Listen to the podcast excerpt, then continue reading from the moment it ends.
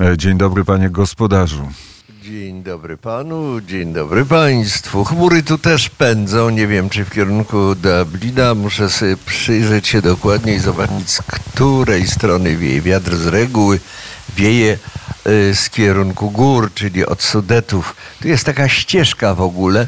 To, się, y, to jest ulica, która się w niemieckim Zgorzelcu nazywa Berlińska i tamtędy wieje szalony wiatr, zimny wiatr z karkonoszy. Można powiedzieć jak w Kieleckiem niemalże, ale jesteśmy jednak na Łużycach. Tam można by było postawić wiatrak i wtedy e, tani prąd napłynąłby do naszego studia e, za Nysą, panie redaktorze.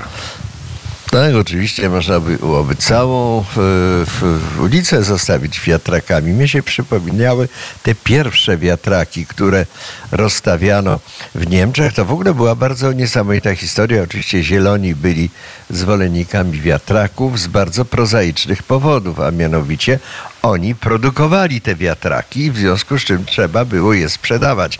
Żeby je sprzedawać można było, to trzeba było znaleźć kogoś, kto miał pieniądze, czy też był gotów je wydać. Żeby był je gotów wydać, to trzeba było przeprowadzić y, na szczeblu landowym początkowo całą operację, która zmierzała w kierunku podrożenia cen energii elektrycznej. Kiedy energia elektryczna została już y, podniesiona na wysoki poziom jej cena tej energii, to wtedy opłacało się sprzedawać wiatraki. No i właśnie tak to trwa. Tak to się robi. To się nazywa, a jednak, a jednak się kręci. Tak? Wiatraków coraz więcej. A ta e, operacja, e, cała wiatrakowo-energetyczna operacja w, w którymś momencie e, jakimś nieszczęściem dla Europy się skończy. No to się może skończyć nieszczęściem dla Europy, bo też są też i inni ekolodzy. Są ekolodzy A, B, C, D, E, F i tak dalej. Ekologów jest multum różnego rodzaju. Nie tylko są ekoterroryści, są także ludzie zastanawiający się nad tym, dlaczego, dlaczego mamy szkodzić w ogóle przyrodzie. No, żaden normalny człowiek wydawałoby się temu, temu szkodzić y, nie chce. Tak, no ta energia wiatrakowa przyczyniła się także do przecięcia naturalnych szlaków ptactwa wędrownego i doprowadziła do tego, że wiele ptaków zginęło po prostu na tych, na tych wiatrakach. No to jest też, też pewna strona tego biznesu, bo to w ogóle chodzi tutaj o biznes. A w zasadzie nikt nie chce tego, aby znowu wrócić do, do świeczki, do groty, do takich, chociaż ja nie wiem, no zawsze się mówi piękna kolacja przy świecach. No przecież nikt nie chce y, po prostu przy y, y, żarówkach jakichś elektrycznych 500-watowych, tylko raczej przy świecach. A tu się okazało, że świece tak, z jednej strony najpierw trzeba zarobić na tym, na tych żarówkach, żeby można było pójść do restauracji, w której można wydać mnóstwo pieniędzy na to, żeby sobie posiedzieć przy świecach, tak jak to drzewiej bywało. Żarówki 500-watowe niestety kojarzą mi się z celami, które, do których wsadzano w latach 50., 60. więźniów politycznych w Polsce. No ale 8.51 porozmawiajmy o tym, co dzieje się w Niemczech i w niemieckich mediach.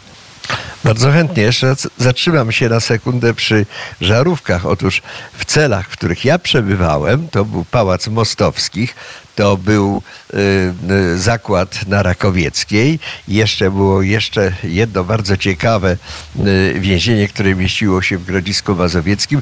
Żarówki były bardzo słabe. One się paliły co prawda dzień i noc, y, zwłaszcza y, w Pałacu Mostowskich dwa piętra y, pod ziemią ale było tam dość ciemno. Ciemno jest także w gruncie rzeczy, jeżeli patrzymy na firmament gospodarczy w Niemczech. No po prostu wszyscy się tym irytują, ale jeszcze może zacznijmy kilka słów na temat, na temat osadników. Niemcy yy, w zasadzie cieszą się bardzo z wyników kontroli granicznych, bo to doprowadziło do tego, że coraz mniej osadników zwanych tutaj uchodźcami przypływa, przyjeżdża, yy, przychodzi do Niemiec, przepływa do Niemiec. Były nawet przypadki, że e, przez e, Nysę e, ktoś w tę piękną pogodę właśnie przepływał. przy czym to jest bardzo groźna rzeka. Wydaje się, że jest bardzo płytka, ale ma dno bardzo nierówne i można ugrząznąć w błocie po prostu bardzo głęboko, w każdym razie w Zgorzelcu. Nikogo nie zachęcał, nawet kaczki mają tutaj z tego powodu pewnego rodzaju, pewnego rodzaju trudności. A więc kontrole graniczne są coraz silniejsze. Niemcy kontrolują granice z Austrią, z Czechami, z Polską.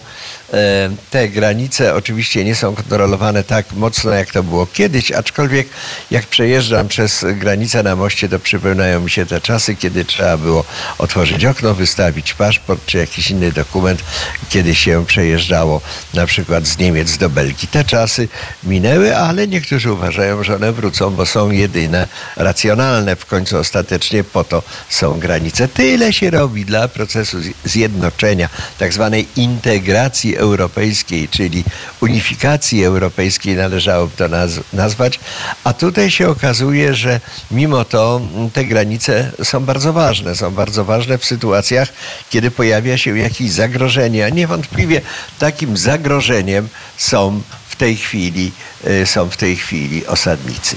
Jeżeli sobie wyobrazimy, że w tej chwili mamy rok 2023, w Niemczech azyl, o azyl wystąpiło 286 638, może w tej chwili już 39, 40, bo to są dane z wczoraj, więc nie wiem dokładnie na ile one się zmieniły.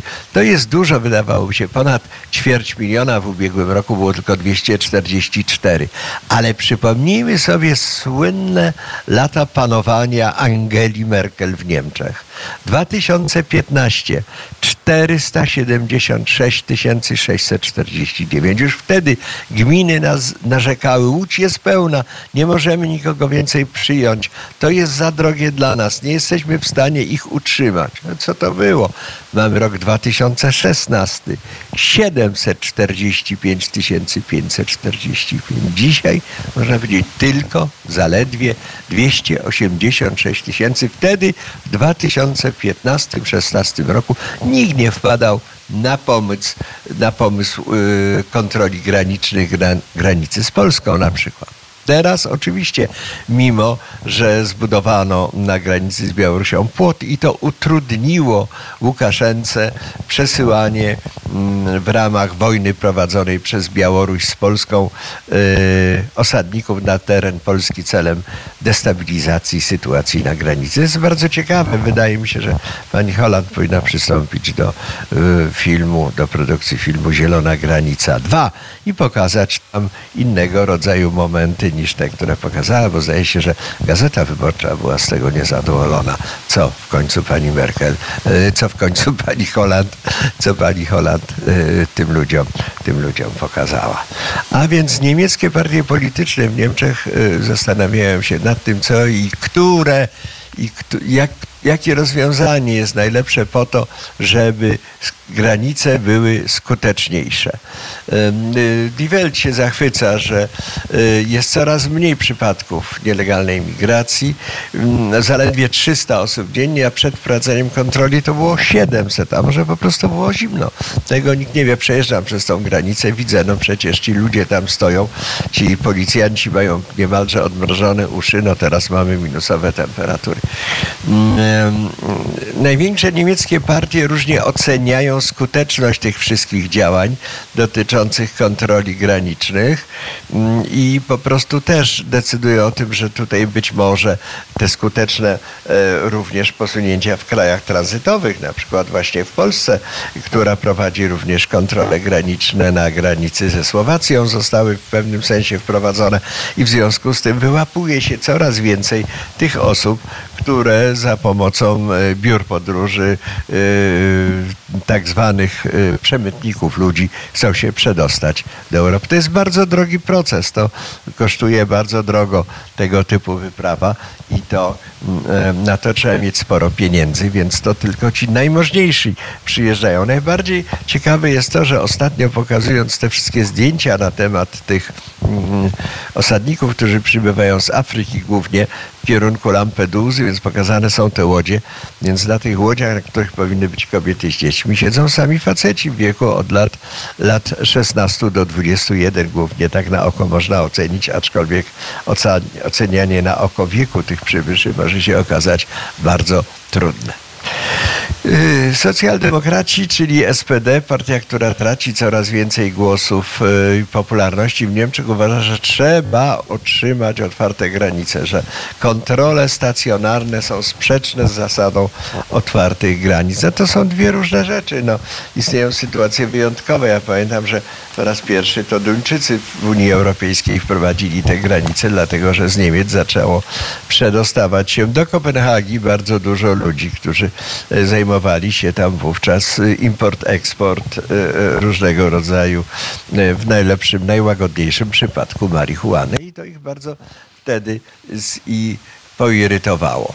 Zieloni mówią, że nie można jeszcze ocenić, czy to był sukces, czy to nie było sukcesu teraz z tymi kontrolami, bo to wiele jest zbieg okoliczności, różnego rodzaju przyczyny mogą składać się na to, że ludzie przyjeżdżają, y, czy nie chcą przyjechać, czy mniej przyjeżdżają.